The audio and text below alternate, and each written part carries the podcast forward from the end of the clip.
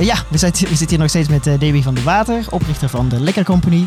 We hebben de vorige aflevering gehad veel over de ingrediënten van deo, lippenbalsem en de zonnebrand. En deze aflevering gaan we iets meer kijken naar de industrie als, als geheel en jouw avontuur als ondernemer en de marketing die je daarbij bedrijft. Uh, heb jij een eerste vraag, Nick? Ik heb een eerste vraag, ja. Ik, ik ben benieuwd, nou, hoe begon je ondernemersreis? Je, je begon dus met aan de keukentafel. En toen, hoe is het uitgegroeid naar wat nu de Lekker Company heet? Ja, we zijn nu uh, inderdaad met, uh, met uh, drie vaste mensen zeg maar, op de vloer. Dat had ik nooit durven dromen, dus dat is heel leuk. Ik ben begonnen en dat is ongeveer 4,5 jaar heeft dat geduurd. Echt aan de keukentafel. En 4,5 jaar later maakten we nog steeds in beslag komen, wat inmiddels wel emmers waren. Maar met vrienden, familie en een paar ZZP'ers die mij daarbij hielpen. Maar ik dacht heel klein. Dus ik was niet echt een typische ondernemer met grote dromen. Ik vond het heel leuk wat ik deed, maar ik ging op zondag naar de markt in Utrecht en daar stond ik dan met mijn steentje. En ik ging alleen maar naar uh, winkels met één vestiging. Dan dacht ik, nou, dan kan ik met de eigenaar praten, leuk, die kunnen het verhaal vertellen. En soms bracht ik letterlijk zelf de bestellingen. Dus echt alles was zo hobbyistisch aan, amateuristisch aangepakt. Het was echt super leuk, maar ja, ondertussen waren al mijn vrienden carrière aan het maken. En begon het eigenlijk de lol wel een beetje af te nemen. Want ik, ik leefde gewoon 4,5 jaar toch wel ver onder de armoedegrens. uh, ik had op een gegeven moment helemaal begin... had ik nog een marketingbaan. Die had ik opgezegd. Mezelf een paar maanden gegeven om, uh, ja, om rond te komen. Nou, dan blijkt dat uh, omzet geen winst is. Dan denk je, ja, 500 euro in een weekend verdiend op een kerstmarkt. ik ben helemaal binnen. Nou, oké, okay, standkosten eraf. Ik moet nieuwe ingrediënten. Oké, okay, ik heb eigenlijk maar 200 euro verdiend. Ja, dat is gewoon zuur, want dat ga je niet redden. Nou ja, 4,5 jaar later, ik zat er eigenlijk een beetje doorheen. Niemand mocht meer naar lekker vragen. Het was echt een beetje burn-out klachten. Uh, nooit al hulp voor gezocht. Heel verstandig. nu nog steeds niet? ja, het is, het is opgelost, maar echt door een externe soort wonder. Maar dat kwam dus dat een vriend van mij zei: Hey, de Albert Heijn heeft een product pitch dag. En ik dacht: Ja, ik heb echt niks te verliezen. Als dit het niet wordt, dan stop ik ermee. 5 voor 12 aangemeld. En ik had me niet eens mijn producten opgestuurd, want dat moest ook. En toen belden ze me een hele leuke pitch, uh, die heb je ingestuurd. Uh, maar waar zijn je producten? Dus toen was het bijna vijf uur. En ik zei, oh, uh, ik denk dat die morgen aankomen. Misschien is er wat vertraging met de post. Dus ik als een malle naar huis gerend, een heel mooi pakketje ingemaakt. En nog net voor vijf uur bij het postkantoor ingeleverd. En toen werd ik gebeld dat ik mocht pitchen komen bij de product pitch dag. Nou ja, een beetje Dragon's Den setting. Volgens mij was het hier. Uh, waar, hoe In B Amsterdam? Ja, B Amsterdam. Volgens mij was het hier. Goeie herinneringen dan hier. Ja, ja superleuk. Ik kwam weer aan en ik denk, volgens mij uh, heb ik hier gepitcht. Nou, het was echt super gaaf om dat te mogen doen. Inderdaad, een soort Dragon's Den setting. Waren het dan allemaal duurzame ondernemers? Of was het nee. gewoon... Allemaal ondernemers die een product hadden die ze graag bij Albert Heijn op het schap waren. Er waren wel wat regels hoor, dus er zaten best wel wat duurzame uh, initiatieven bij. En zeker als ik kijk naar de winnaars van de jaren daarna, zijn bijna allemaal duurzame ondernemers die wel gewonnen hadden. En vaak jonge mensen. Uh, dus vaak tussen de 20 en de 30, weet je. En, ja. Maar ja, ik, ik heb daar dus gepitcht met. ik heb wel echt heel goed voor, voorbereid. Ik had vrienden die, die mij er heel goed bij konden helpen. En toen heb ik gezegd: ja, jullie hebben online meer dan 600 deo's en er is er geen één duurzaam. Mag ik jullie eerst een duurzame deo op het schap brengen? Maar ja, ik had natuurlijk een glazen jampot met, met uh, zonder barcode. Dat sloeg helemaal nergens op. Al 4,5 jaar mee bezig. Maar wel goede recensies. En uh, mensen waren laaiend enthousiast over hoe goed het werkte. Dus ik zei ja, ik heb wel tussen jullie uh, toezegging en dit product zit natuurlijk nog wel een gat waar ik eigenlijk gewoon geld nodig heb om, om hier gewoon een fatsoenlijk product van te maken. Maar ze vonden het wel lachen, want ik had de tweede plek gewonnen. Wie had dan de eerste? Oh, moet ik heel even nadenken. chef Abels, Abels Daily. Dat zat op uh, Utrecht Centraal en die maakte een soort foodballs ook. En die hebben dat een tijdje ook heel goed gedaan, uh, maar volgens mij bestaan ze niet meer. Dus jij hebt het uiteindelijk beter gedaan. Ja, ja de nee. underdog toch? ja, toch? Ja. Ja, een heel ander concept natuurlijk. Maar het is inderdaad, je ziet best wel wat mensen die gewonnen hebben het schap opkomen en uiteindelijk wel van het schap af moeten.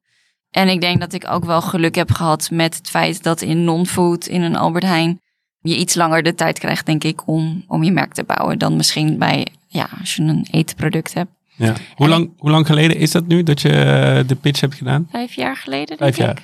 Ja. Ja. En toen, uh, nou goed, ik had dus een product wat totaal niet geschikt was voor op het schap. Maar wel die ster op de horizon. Oké, ik heb nu wel, ja, dus uh, ik weet niet, maar mijn burn-out, die waarschijnlijk geen echte burn-out was. Ze verdwenen als sneeuw voor de zon. Ik had ineens een enorme missie en een kans. En uh, dat was allemaal een beetje uit de hemel komen vallen. En toen heb ik iemand bijgehaald die, uh, die is eigenlijk op mijn pad gekomen, maar die, die die eerste batch wilde financieren. Ik heb allerlei producenten gebeld. En uh, toen is het gelukt. Met nog toen een lekker in een potje product zijn we dus gelaunched in 400 Albert Heijn winkels. En dat was niet meer met uh, de jampotjes, maar je had Nee, een, uh, een echt, een echte verpakking. Ja, een blikje met een karton sleeve er- eromheen. Dat was Ja. niet van aluminium, toch?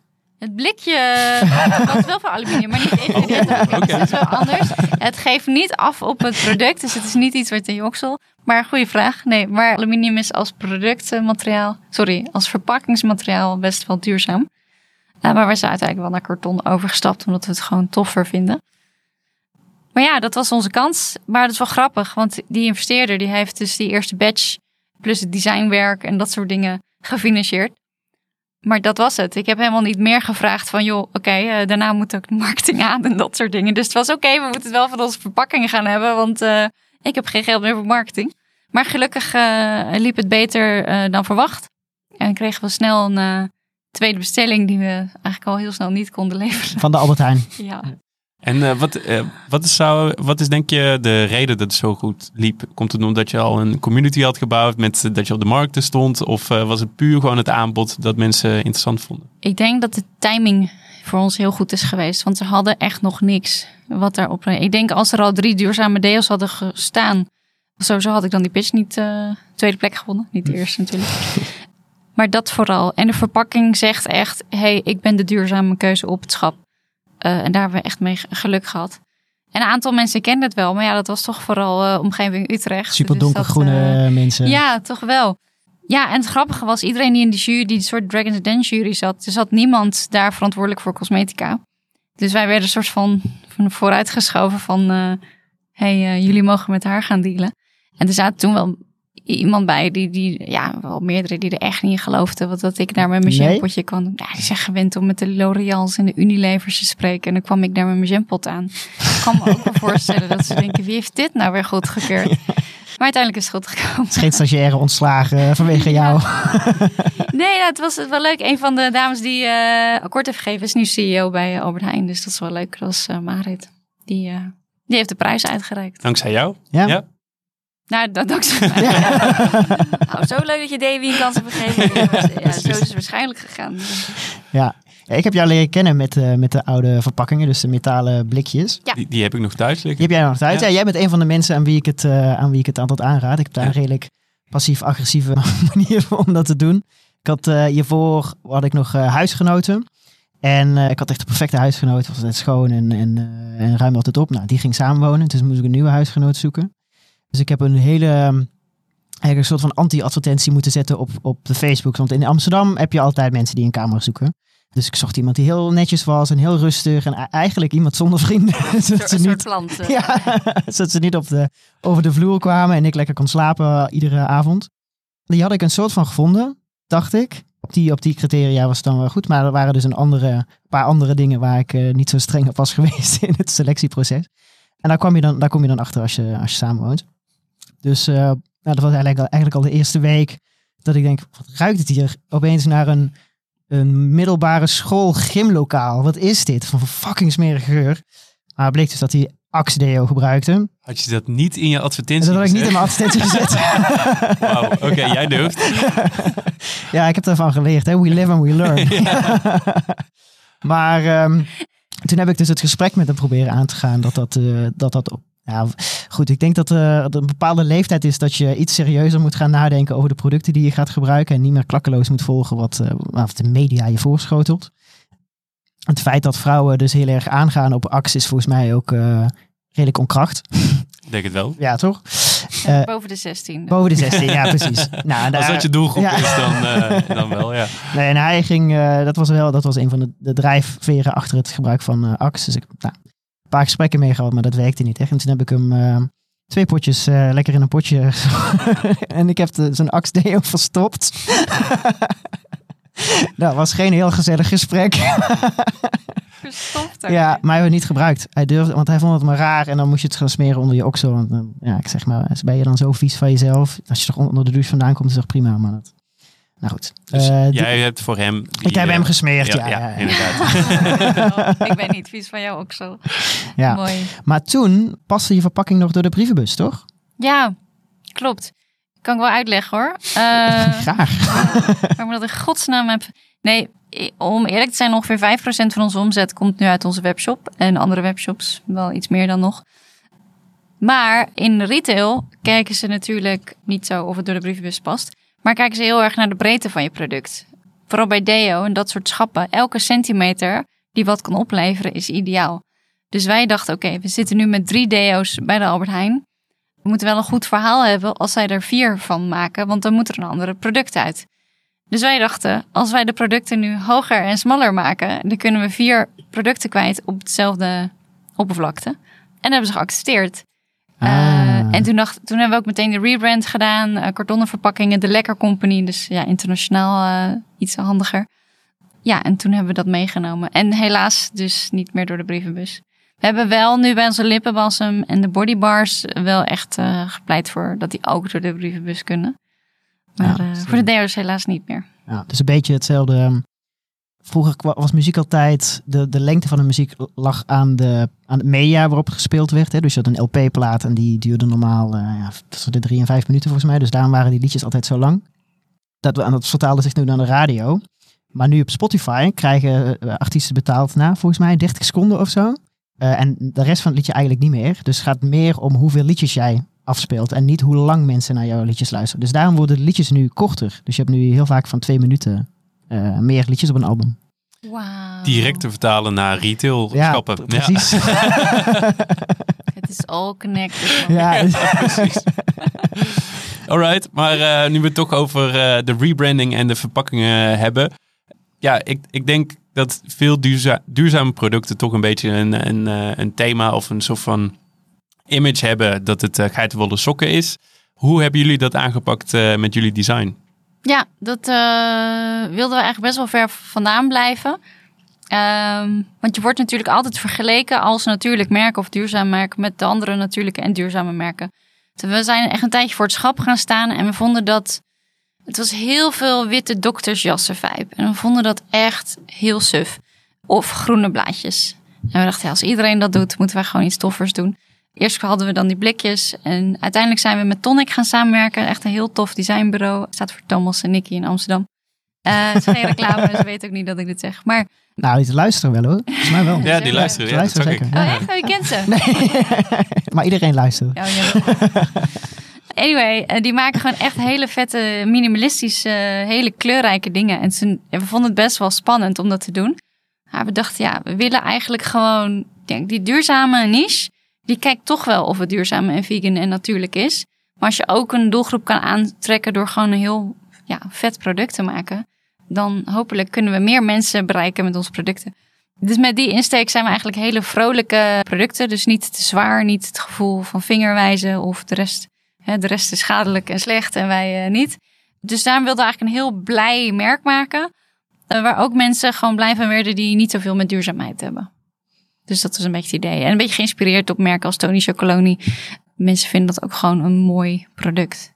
Hoe het eruit ziet. En hoe vertaalt dat zich dan naar uh, doelgroepen man- man-vrouw? Want jullie zijn een unisex bedrijf. En hele vrolijke kleurtjes is meestal niet iets waar mannen heel erg aan van op gaan. Hè? Het moet allemaal stoer zijn en donker. Ja, dat is wel grappig. Want uh, ik weet niet of mensen het op camera zien. Maar we hebben dus een blauwe pepermunt roosmarijn deo. Dus ik dacht, nou, mensen, mannen grijpen vast die blauwe wel. We proberen alles uh, unisex in te steken. Maar die is dus niet donkerblauw uh, genoeg voor veel mannen. Want dan staan we op een marktkraam of inmiddels vaker wat op een beurs of zo. En dan vragen mannen vaak, heb je ook iets voor mannen? Zeg je, alles hier is ook voor mannen. Dus we hebben nu inderdaad uh, deze de Woodland donkergroen geïntroduceerd om toch ook wat meer mannen te bereiken. Ik vind hem wel ook het mooiste. Ja, mooie kleur. Ja. Ja, hij is eigenlijk Want hij is donkergroen voor de mensen die niet, uh, die niet op de camera kijken. Niet lichtgroen, donkergroen. Donkergroen. Nee, er zijn gewoon een aantal uh, cosmetica merken die doen geloven dat als het niet donkerblauw of antraciet is, dan is het niet voor mannen. Maar in principe is heel veel cosmetica gewoon unisex. Die bacteriën maken het niet zoveel uit of je vrouw, man of uh, nee, wat die zijn, die zijn heel woke. Ja, maar hele woke bacteriën. Maar, eh, want dat is eigenlijk dan een beetje het tegenovergestelde van eh, de, de pink text. Dus dat is dat vrouwenproducten eh, die vaak roze zijn, dus duurder zijn. Hè? De roze scheermesjes zijn duurder dan gewoon de zwarte scheermesjes. Dat vrouwen meer daarvoor willen betalen. En dit is een beetje het, de andere kant van de medaille. Ja, dus dat grappig. mannen... We hadden eerst die zwart-witte, dat is onze sensitive. Dat vonden we leuk, omdat meestal sensitive zachte kleurtjes, ja, we wilden een beetje tegendraad zijn. Eh, maar er zijn dus heel veel mannen die de sensitive pakken, want die denken, oh, die is voor mij, die is zwart-wit. Snap ik ook als ik hem nu zo zie. Ja. ja, misschien niet onze slimste keuze, maar we vonden het zelf heel leuk. En daarna hebben we dus de Woodland eh, geïntroduceerd-. Maar die sensitive heeft gewoon iets duurdere ingrediënten, dus die is 50 cent duurder. Dus dat soort... Dus het eh, mannenproduct is wel iets duurder. ja, de ja, de. Woodland Mannentekst, niet, ja. maar de sensitive wel. Ja. En na jullie rebranding, merkten jullie dan ook gelijk dat er een lift was in de sale? Of hoopten jullie daarop en viel het uiteindelijk wel tegen? Hebben we niet heel veel van gemerkt, moet ik zeggen. Ik heb wel gemerkt van onze vorige verpakking, die is echt wel redelijk truttig vergeleken met hoe we er nu uitzien. Dit is veel meer clean. En dat zag er echt nog een beetje Etsy-achtig uit. Ja, dat klopt ook wel met de shampootjes waar ik vandaan kwam. Dus het is nu wel wat meer unisex. eh, dus ik denk dat er nu wel meer mannen onze product kopen dan eerst. Maar ja, af en toe moeten we nog wel even checken. Her- Herkennen de mannen zich ook in de mannelijke modellen die we gebruiken? Soms hebben we, ja, hoe zeg ik dat? Modellen waar niet de gemiddelde man zich per se mee identificeert. En dan denkt ze, oh, het is dus niet voor mij. Daar, daar liepen we dus ook nog wel eens tegenaan. Ze Ja. denken, oh ja, we willen heel, heel diverse modellen en zo. En dan denken man, oh, mensen toch ook wel eens, oh, het is niet voor mij, want ik lijk niet op dit model. Ja. Eh, Nou, Ruben die is eh, model en heeft een heel average gezicht. Ja. Dus misschien eh, zou je hem wel eens kunnen, Kunnen, kunnen eh, kunnen we vragen. regelen Ja, voor de ja. volgende. Hebben we het straks wel over. Maar welk merk doet dan? Die met de boxers, toch? Adam eh, boxers. Ja? Zij hebben ehm expres geen modellen met sixpacks. En dus Ja. allemaal van die... Nou, weet die, dat? Deadbo- die, die deadbots? volgens mij wel hoor. Ja, wel- die Ja. wel? Ja, Oh. zeker. Ja. Oh, nou dan is ik heb andere, altijd eh, geïntimideerd, dus ik, ik eh, koop vaak... eh, En wij, wij gebruiken ook geen echte, echte modellen. Het zijn eigenlijk allemaal vrienden en eh, familie van ons. En soms doen we een oproepje voor eh, gewoon volgers van ons op Instagram. Wie vindt het leuk om model te zijn? Eh, ja. Maar krijg, je, krijg je reacties op altijd? Ja, ja, het is echt superleuk. Soms te veel, dus dan moeten we zeggen van helaas. of te veel mensen die te veel op elkaar lijken. Dus dan zeggen oké, ja, we hebben helaas al eh, drie blonde vrouwen. Wel eh, iets meer eh, variatie. Maar superleuk dat mensen dat willen doen. ja, En ja, altijd heel leuk die shoots. ik kan me goed voorstellen inderdaad. Alright, dus je hebt de afgelopen jaren ontzettend veel geleerd en die lessen toegepast. Wat is eigenlijk ook buiten lekker om de, de, de grootste les voor, jij, voor jou op dit moment geweest, of geweest, die je op dit moment toepast? Als in ondernemersles? Eh, ondernemers, ondernemersles, iets wat je heeft geholpen bij eh, Lekker. Ja, ik denk eigenlijk op het moment dat ik zeg maar die 4,5 jaar erin zat, een beetje tegen mezelf aanliep van oké, ik sta nog steeds op de markt en er gebeurt niet zoveel. Toen kwam natuurlijk die pitch. En toen, dat was voor mij wel even een bewijs van oké, ja, soms moet je ook gewoon opkomen dagen. Ja, je moet je wel voorbereiden. Als ik natuurlijk gewoon een slecht verhaal had gehad, dan eh, hadden ze me wel weer naar huis gestuurd. Maar eigenlijk de belangrijkste momenten of de tofste dingen in mijn lekker carrière zijn eigenlijk gewoon de dingen die me dat gevoel in mijn maag geven van oh, ga ik dit echt doen?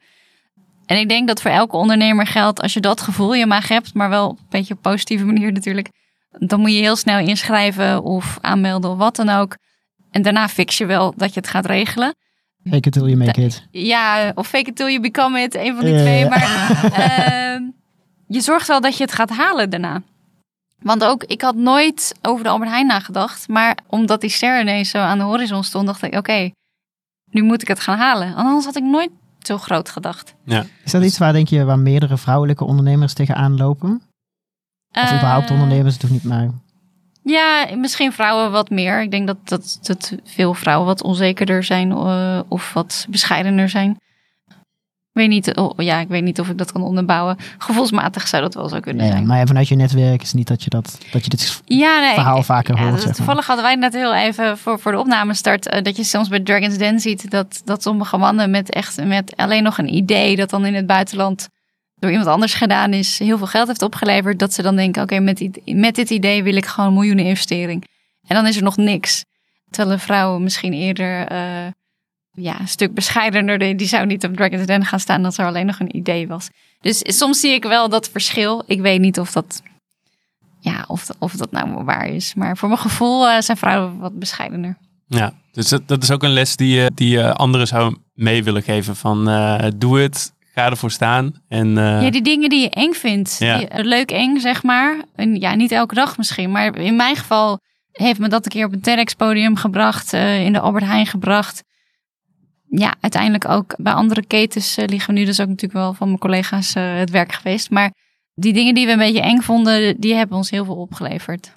ja. En zijn er dan ook dingen die je eh, toch anders zou doen als je nu opnieuw in de, bij de markt weer zou, zou staan? Ja, veel eerder wat groter denk ik. Nou, een van de voorbeelden is omdat ik het allemaal zo spannend vond, die eerste 4,5 jaar. Ik wilde heel graag bij de Dylan Camille liggen. En ik heb ze gewoon niet gebeld. Ja, les 1. Want je, wa- ja, je- telefoon op. Nee, maar ehm, ik dacht, als zij nee zeggen, waar is mijn droom dan? Nou, dan blijkt dat Dille Camille eigenlijk helemaal geen andere merken normaal gesproken neerzet. Maar ik heb gebeld en we zijn voorlopig een uitzondering. Dus we staan er en het loopt eh, heel goed.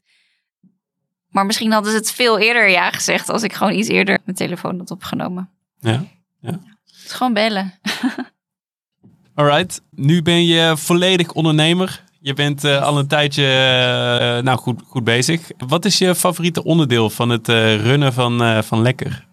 Wat, waar ik het aller, er zijn eigenlijk twee dingen waar ik heel blij van word. Eén is dat ik nu dit niet meer alleen aan het doen ben. Dus we zijn echt een lekker team, zeg maar.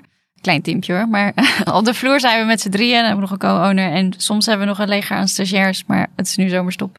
Dus we zijn nu met z'n drieën op de vloer. En dat zij aangegeven dat ze zich echt mede-eigenaar van lekker voelen. En, Heb je ook aandelen uitgegeven aan ze? nou, daar zijn we eigenlijk mee bezig. Het zijn niet echt aandelen. Het is een soort van. eh, ja, ik zal niet in te veel details strijden. Maar al- als het heel lekker met lekker gaat, dat ze daar wel eh, dat het ook lekker met hun gaat. lekker met hun Ja. gaat. Ja. dat is leuk voor je eerste werknemers en een soort core team. Ook ja, Ja, het is gewoon tof. We zijn dit echt aan het bouwen en je ziet gewoon. In sommige ketens eh, draaien we nu het dubbele dan vorig jaar, omdat we gewoon met z'n allen gewoon mooie dingen aan het doen zijn. En die energie, zeg maar, binnen dat team en dat, dat samen doen, ja, daar kan ik wel echt van genieten. Dat denk ik, oh, dat had ik niet verwacht dat dat ooit zou ontstaan. En nieuwe producten, daar word ik zo blij van. Ja. Dus dat is wel leuk. We zijn nu langzaam, oh, er komt ook hopelijk een feestlijn aan. Ja, het is gewoon vet om een beetje zo'n badkamer uiteindelijk te kunnen vullen met gewoon dingen waar ik helemaal achter sta. Dus dat is leuk. En de, de grootverpakking natuurlijk. Dat je een halve liter aan, eh, aan Lekker Deo hebt. Ja, heel goed op duurzaamheidsidee. Alleen het lastige van retail is, je doet al drie maanden met een potje, wat al langer is dan de gemiddelde deo. En je wordt heel erg beoordeeld op hoe vaak je product wordt verkocht. Dus je moet wel als... Niet op de omzet die je binnenhaalt? Ook, maar je moet een beetje een sweet spot vinden. In rotatie heet dat. Dus hoe vaak je product gekocht wordt en hoe, hoe lang het meegaat. Dus qua duurzaamheid vind ik het een eh top idee. Commercieel gezien weet ik niet of het voor ons eh, het slimste... Misschien voor onze webshop. Ja, Ja, ja. Ja, want ik vind het wel vet. Gewoon een familiepot waar je dat heel iedereen met zijn vinger erin kan dippen. Ja, maar ik had dus hiervoor grotere jampotten. En mensen deden letterlijk een jaar mee. Ja, dat is Ja. ook als ondernemer wel erg lang. Ja. Ja. Dat ze weer terugkomen. En als we het over productontwikkeling hebben, van eh sticks, eh, deo sticks, dat is ook iets waar jullie over na hebben gedacht en mee bezig zijn. Zeker. Ja, we horen inderdaad wat jij eerder zei. Heel veel mensen vinden het gewoon een raar idee dat je met je vinger je eigen oksel aan te raken. Terwijl als je goede deo gebruikt, heb je gewoon een hele schone oksel. Nou ja, als je uit de douche komt, denk je, joh, we gebruiken ook je vingers in wax. Doe je ook in je haar. Ik, ik- denk echt, waar hebben we het over? Maar goed, heel veel mensen vinden dat. Dus daar moet je wel wat mee doen. We zijn heel veel sticks aan het testen. En eigenlijk vinden we de meeste dus niet goed genoeg. Omdat ze afbrokkelen. Je moet een product namelijk vrij hard maken om omhoog te kunnen pushen. Dus ja, we hebben wat samples geprobeerd. Onze laatste, eh, die was eigenlijk omdat we hem dus wel heel lekker zacht willen. kwam niet helemaal door de stabiliteitstest.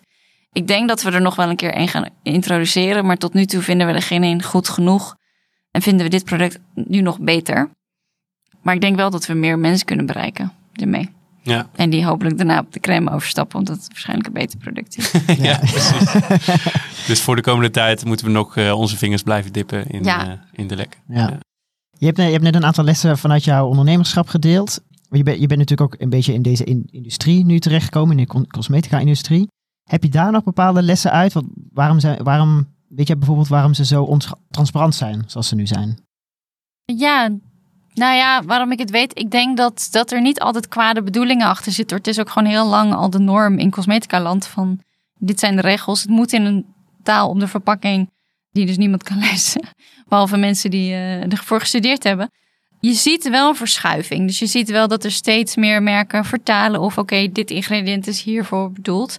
Maar je ziet het bij de duurzame merken vooral. Want ik denk dat dat het gros van het schap ook niet wil dat je precies weet waar alles voor is. Want de norm is nog steeds in cosmetica en generaal. Generaal. Uh, In general. In de, in de algemeenheid. Is gewoon een plastic fles met als eerste ingrediënt water en heel veel hulp- en vulstoffen. Dus je betaalt vaak ja, voor 10, 20, 30 procent aan cosmetica ingrediënten waar je wat aan hebt. En de rest is, ja, ik heb het idee dat ik heel veel waar voor mijn geld krijg. Ja.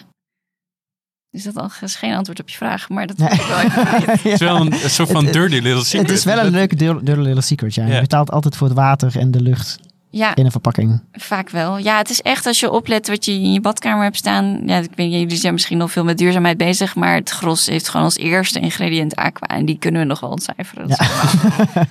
En soms het ook, heeft het ook een functie, hè? Want het smeert lekkerder met veel water erin.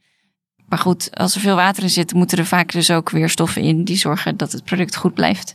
Want water eh, ja, gaat snel schimmelen. Ja, en dan kom je weer bij de parabenen. Vaak wel. Ah, ja, ja. ja, en de transportkosten zijn meer. Ja, ja, ja als je gewoon kleinere verpakking hebt, kan het natuurlijk Ja. gewoon veel meer in de vrachtwagen. Of Ja. fietstas.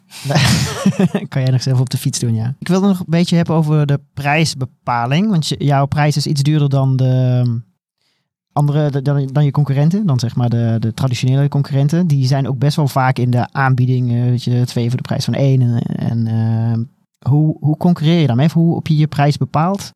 Ja, wij concurreren eigenlijk gevoelsmatig niet zozeer met de spuitbussen en de rollers. Mensen kie- kiezen wel echt bewust voor een ander soort deo. Maar we zijn zeker duurder. Ik ga niet ontkennen dat dat zo is. We zitten echt aan de bovenkant van de drogisterijen en supermarkten. Maar kijk je maar, ja, concurrent is een beetje een stom woord, maar andere merken die vergelijkbare producten hebben of echt in de duurzame hoek zitten, zitten wij gemiddeld tot daaronder. Dus dan zijn we nog best wel oké geprijsd. Ja, weet je wat het is? We zijn voor een start-up al heel snel een B Corp geworden. Duurzame verpakking, ho- hoge kwaliteit ingrediënten. Alles in de keten, eh, voor zover, ja, 100% ga je niet halen, maar eh, er klopt heel veel. Eh, dus ook iedereen wordt een beetje goed betaald. Eh, ja, dan kom je gewoon op een duurder product uit. Ik vraag me soms ook echt af hoe andere merken het doen. Want soms zie je gewoon een deo voor minder dan een euro. En als je dan denkt, oké, er zit soms nog een distributeur, een groothandel, een retailer tussen en er wordt winst gemaakt. Hoeveel van die potjes moet je verkopen of flesjes? Ja. Voordat iemand zijn loon daaruit kan komen. Ik vind het soms bizar als je dat ziet. Maar goed, ja, bij ons is dit eruit gekomen. Wij wilden eigenlijk eh, wat voordeliger blijven. We waren eerst eh, 7,50, die is nu naar 8,29 gegaan. Inflatie, Eh, hè? Ja, zijn- zijn we- Rutte. nou ja, wij, wij, zijn er, wij wilden echt de prijs bewaken heel lang. Alleen als je alles in jouw keten opschuift, dan, ja, dan hadden we alles zelf moeten incasseren. En dan hadden we het gewoon niet gehaald. Dus helaas moesten ook onze prijzen omhoog. Nog wel leuk over prijs. Ik heb nog wel een leuke anekdote als we toch over prijs hebben. Ik heb op het begin, dus vanaf die shampoo-periode en de jaren daarin... Een van de eerste echte winkels waar ik heen ging was de Waar in Utrecht. Natuurlijk in mijn eigen stad. En ik liet mijn potjes zien. Dit heb ik. Nou, leuk, komt uit Utrecht. Ze zeiden, ja, nou, ik kon mijn ogen niet, we horen niet geloven. We gaan in de waar liggen. En toen zei wat is je inkoopprijs? En ik wist die vraag niet eens te beantwoorden. Ze moeten mij gewoon uitleggen wat marge was. En toen dacht ik, oh ja, eh, dan gaan we niet uitkomen als jullie een bepaald percentage doorgeven. Super dom. Al een jaar bezig. Dus zij hebben mij echt moeten uitleggen hoe het werkt. En dan werk je nog direct met de retailer, maar je kan ook nog met de groothandel of met een distributeur. En dan heb je nog veel meer lagen in je prijs nodig. En dat heb ik echt allemaal moeten leren on the job. Dus ik heb in de eerste jaren echt drie keer mijn prijzen moeten verhogen. Want ik dacht, oké, dit kost het. Nou, keer anderhalf, keer twee, dat ga ik ervoor vragen. Nou, dan kom je niet uit. dus dat, eh, Maar als je het dan terugrekent naar, ehm, want je bent duurder. Als je terug, terugrekent naar gebruik. Oh, ik heb het even uitgerekend vanochtend. Het is eh, 9,5 cent eh, per dag dat je het gebruikt. Als je er drie maanden over Als je er drie maanden mee doet. Ja. En ehm één keer per dag. Drie, drie maanden, één keer per dag. En ja. Ja. je weet natuurlijk niet wat, hoe lang mensen met een normale spuitbus roller deo doen. Nee, we hebben laatst een testje gedaan, twee collega's van mij. Eh, Mooi witte maar- gele vlekken. Hij, wil- hij wilde aluminiumvrij. Maar hij zei, het is dat we het gewend zijn. Maar hij zei, ik vond het zo naar om weer zo'n spuitbus in mijn badkamer te hebben. En hoe koud het op je huid is. Hij zei, het is dat we het normaal vinden, maar ik vind die crème zoveel chiller. Dus dat was wel leuk om te horen. Maar we hebben niet echt een conclusie uit die testen kunnen halen. Ehm, behalve dat hij... eh, Niet is. empirisch eh, goed eh, Nee. onderzocht. Nee, het was geen waterdichte test. Nu heten jullie de Lekker Company, ook op, eh, om de internationale ambities, eh, nou ja, dat je, dat je daar geen problemen ziet. Eh, wat zijn de internationale ambities? Ja, we zijn nu eigenlijk heel erg hard aan het proberen of wij een mooie entree in Duitsland kunnen maken. We liggen al bij Alnatura, dat is een beetje vergelijkbaar met Ecoplaza. En dat loopt op zich best wel lekker door, maar dat zijn twee producten. Maar... En ja, misschien moet ik het gewoon even manifesteren, hè, door even hardop eh, uit te spreken. We hopen heel erg bij de DM, eh eh, die kennen ja. jullie vast wel, Ja. binnen te komen. Dus daar gaan we onze pijlen oprichten. Het moet nog lukken hoor. En Ehm. merk je dat, dat, dat Duitsers wel openstaan voor Nederlandse bedrijven? Of is het dat ze, dat ze Ja, op liever Duitse wel.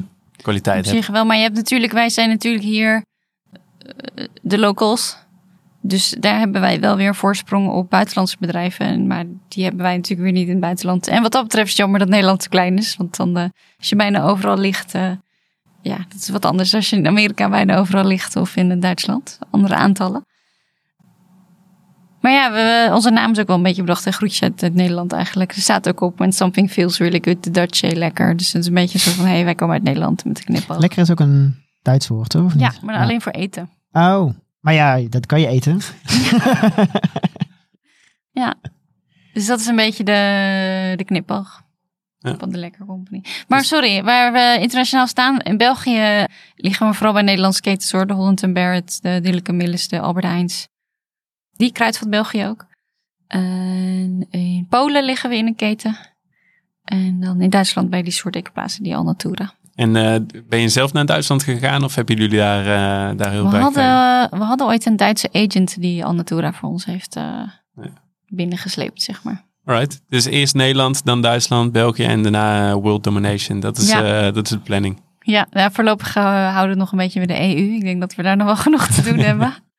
Ja, onze droom is wel leuk om even te doen. We willen heel graag een grachtenpandje in Utrecht met een flagship store en dan daarboven bepaalde country teams. Dus dat je echt een goed team hebt voor dag.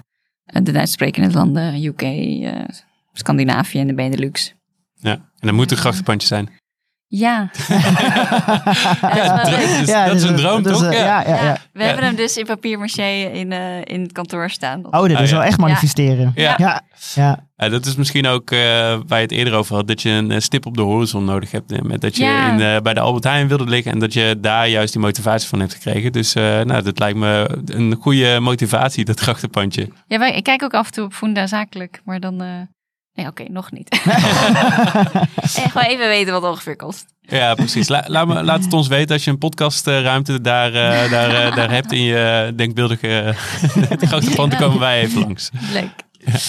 Ja, we zijn al bijna, of we zijn al aan de tijd eigenlijk. Maar ik wilde, de, ik wilde eigenlijk nog één vraag aan je stellen. Is of je nog één ultieme tip hebt voor mensen. ehm, Of een leuk feitje over deo of de hele cosmetica-industrie die we nog niet hebben Een mooie behandeld. afsluiting. Een mooie afsluiter, ja. Daar ben ik nou op zoek. Over cosmetica. Ehm, nou, als je kijkt naar verduurzaming van je, eh, ja, je badkamerroutine of je verzorgingsroutine. Ik, heel vaak kan je veel minder van je product gebruiken dan je nu doet. Dus dat is eigenlijk de eerste stap. Zou ik lekker opmaken wat je hebt. Ook als mensen zeggen, ik, eh, in vier weken is je ons potje deo op. Dan denk ik alsjeblieft. Is, ja, dat is leuk voor onze verkoopcijfers. Maar gebruik gewoon minder, want dat is al genoeg. Dus ook als mensen anderhalf centimeter tandpasta gebruiken, is ook helemaal niet. Een dopertje is echt voldoende. Uh, dus dat is de eerste stap naar verduurzaming. Ja, en uh, ga even naar de lekkercompany.com uh, om alle nieuwe dingen in te slaan. Dat is de beste um, tip. Ja. De allerbeste tips. Ik zit te denken, heb je nog iets waar je zelf aan denkt waar je een tip over wilt? Of? Luister, semi-interessant. Terwijl je het smeren bent. Ja, precies. Nee, nee, maar ik dacht misschien wil je iets voor mensen inderdaad dat je, ja, dat... Uh... Oh ja, ik heb nog wel een leuke. Echt de allerbeste scrub, hoef je nooit meer scrub te kopen. Is gewoon koffie uit je koffiezetapparaat die al gebruikt is. Met een klein beetje olijfolie. Ongeveer 4 vijfde koffie, 1 vijfde olijfolie. Daarmee douchen en scrubben. Eén keer per week is echt fantastisch. En uh, kost ben je helemaal klaar? Ja, nice. Dus binnenkort uh, ook uh, lekker scrub ik met heb hem koffie. ooit gemaakt. Ja. ja, op het begin hadden we hem. Maar nu denk ik, ik deel deze tip gewoon. Dit is niet voor je eigen gratis. Ja, ja. ja. Nou, leuk. Dankjewel voor het luisteren. De show notes kun je vinden op www.semi-interessant.nl slash show notes. En eh, we zien je graag de volgende keer. Yes, bedankt voor het luisteren. Tot de volgende keer. Bedankt Davy. Ciao ciao. Dankjewel. Zo, dat was aflevering nummer 2. Meer geheimen boven tafel weten te krijgen en meer tips gekregen over de deodorantindustrie. Wil jij ook deo gaan gebruiken van de Lekker Company? Nou, dat Net kan. zo lekker ruiken als Nick. Net zo lekker ruiken als mij. Nou, dat kan, want we hebben een kortingscode. Ja, als je interessant in hoofdletters gebruikt op delekkercompany.com krijg je 20% korting op je bestelling. 20%, dat is veel. Nou, doe je voordeel mee. Eh, bedankt voor het luisteren en tot de volgende keer. Tot de volgende keer. Ciao ciao.